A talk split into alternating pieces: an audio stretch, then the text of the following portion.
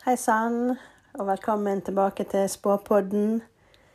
Denne uken her skal vi se på en kriminalsak, sånn som jeg lovet sist gang. Og da har jeg en sak som jeg har sett litt på før, så jeg tenkte jeg skulle fortelle om den. Det er Trude Espås-saken.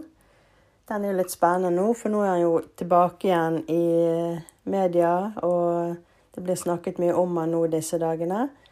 Og da kan jo jeg eh, komme med det som jeg har sett om saken.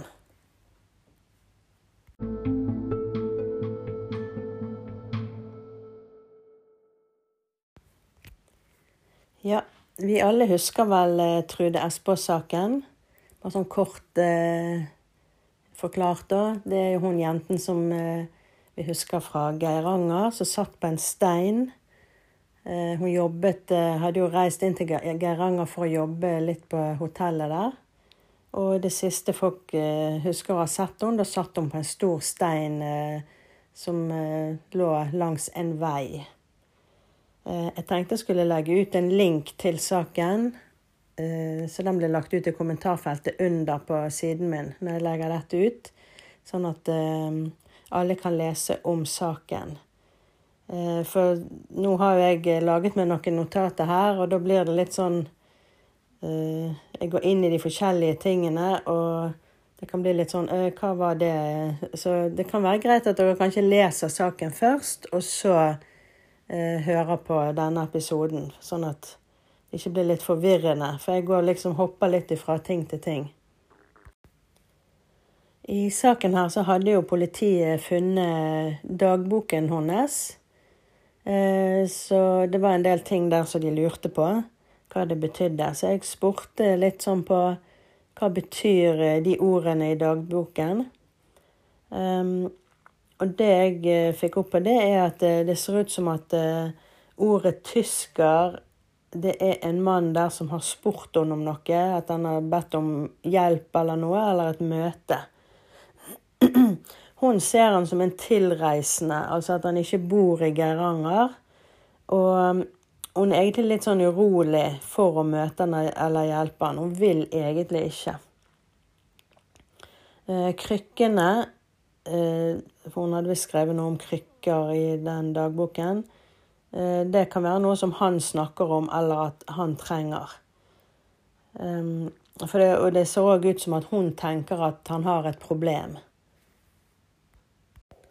Men nå er jo ikke sagt at den tyskeren som hun skriver om, at det er drapsmannen. Det kan være en hun har hjulpet med noe annet. For jeg føler egentlig ikke at drapsmannen er tysk. Jeg føler han har en tilknytning til eh, stedet. Så gikk jeg inn på og spurte om den aktuelle dagen når han ser henne. Eh, for å se hvordan tenker han egentlig. Og da ser det ut som han ser på hun som litt sånn ung og naiv. Eh, og at han tar kontakt med henne. Eh, han tenker at eh, han skal klare å lure henne. Ikke nødvendigvis at han tenker han skal drepe henne, men han tenker at han skal lure henne. Eh, han ser på henne som ensom, eller at hun er aleine, eller at hun er ja, sårbar, da. Så det er mulig han spiller på forførelsen, eller å være litt flørtete eller morsom, eller han prøver å være litt sånn. Men det går ikke sånn som han hadde tenkt. Ehm, etter at han har drept henne, så går han tilbake til en jobb, eller skal gjøre en jobb eller oppgave, eller det han er i Geiranger for å gjøre. Og jeg ser at når han går tilbake, altså etter han har drept henne, så går han på en sti. Det ser ut som det er grus på bakken. Og så er det akkurat som han strekker litt sånn på fingrene sånn inn og ut en stund. Akkurat som han prøver å strekke de ut. Og så putter han hendene i lommen. Jeg gikk inn for å se hva hun tenkte, altså når hun så han, mens hun satt på den steinen. Så det er akkurat som at hun, hun vet, hvem han, vet, hvem han, er. Hun har sett han, kanskje vekslet noen ord med han og sånn. Um, men hun stoler ikke på han. Hun syns han er litt rar. Hun ser på han og tenker at han er litt sånn einstøing eller aleine. Ikke har noen mistet mange eller alle. Altså han, han, ser ut som en sånn einstøing, helt aleine. Um, han er en som holder seg mye for seg sjøl. Han har òg sagt noe tidligere som har gjort at uh, hun er mistenksom mot han. Når han står der, så ser det ut som han sier at han har mistet noe. Uh, og det er et eller annet som gjør at han kan ikke finne det alene eller sjøl, så han trenger hjelp. Så han ber hun om hjelp. Hun vil egentlig ikke, men hun gjør det likevel. Så hun legger boken ifra seg, og jeg ser et tall som er enten 102 eller 10. I hvert fall ett-tall og null. Det kan være sidetallet boken ligger på, eller en prislapp på boken. Så spurte jeg på hvordan ser folk på han, altså de som kjenner han. Og da ser det ut som at de mener at han kan si mye rart. At han kan ha en lett omgang med sannheten, altså at han kan lyge eller tulle mye. Han reiser mye. At han eh, farter rundt omkring. Kanskje erfaren med å reise. Han er mye aleine, litt sånn einstøing. At folk ser på han som at han stort sett er for seg sjøl. Men han kan òg være klengete. At han øh, oppsøker folk, og hvis han kommer hjem til deg, så går han ikke igjen før lenge. Eller du sitter og tenker åh, skal ikke du gå nå? Så det virker som han kan ja, være litt sånn at han kan be om hjelp, oppsøke folk, være litt innpåsliten når han først er i det lunet. Eh, ser ut som han har en jobb, og altså at han liker å lese en del. At han, altså enten er han utdannet, eller så er det bare det at han liker å lese mye. Eh, han kan da jobbe innen økonomi eller løse problemer som regnskap, eller regnskap og regnestykker. Eh, hvis ikke han jobber med det, så er han antagelig opptatt av det, at han liker sånne ting. For det lå veldig mye sånn ja, problemløsning med regnskap, penger, sånne ting rundt han. Han kan ha eh, familietilknytning i Geiranger òg. Eh, han har vært i området før, muligens av samme grunn som han var der den gangen, når han møtte Trude Espås.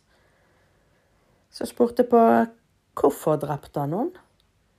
Og da får jeg at han tålte ikke å bli avvist.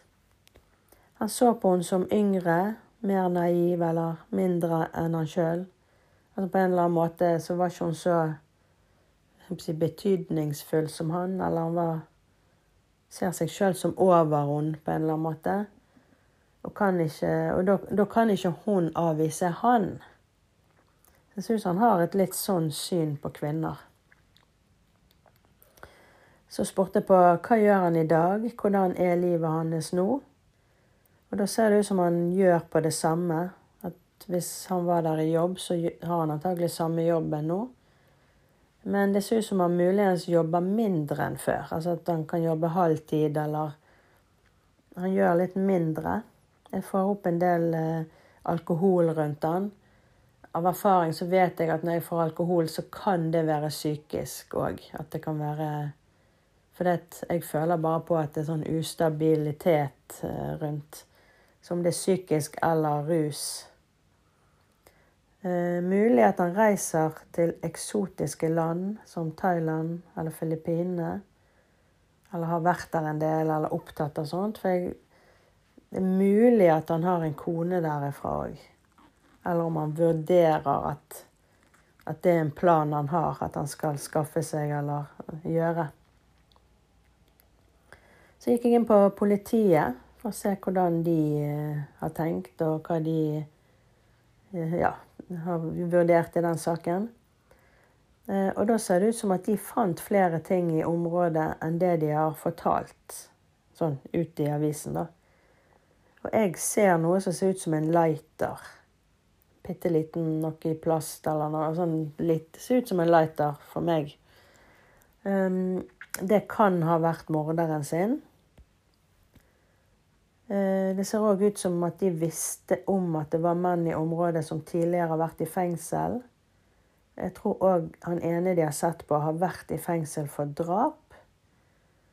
Um, de har, uh, de har nok sett på det òg, men ikke kommet lenger. Det ser ut som de har ikke tatt sjansen på å arrestere den som de, de, egentlig vet har gjort det. Fordi at de mangler en del ting. Så de kan, ikke, de kan ikke være helt sikre, eller de vil ikke få saken igjennom. Men det ser ut som det kommer. At de, eh, de får tatt den skyldige.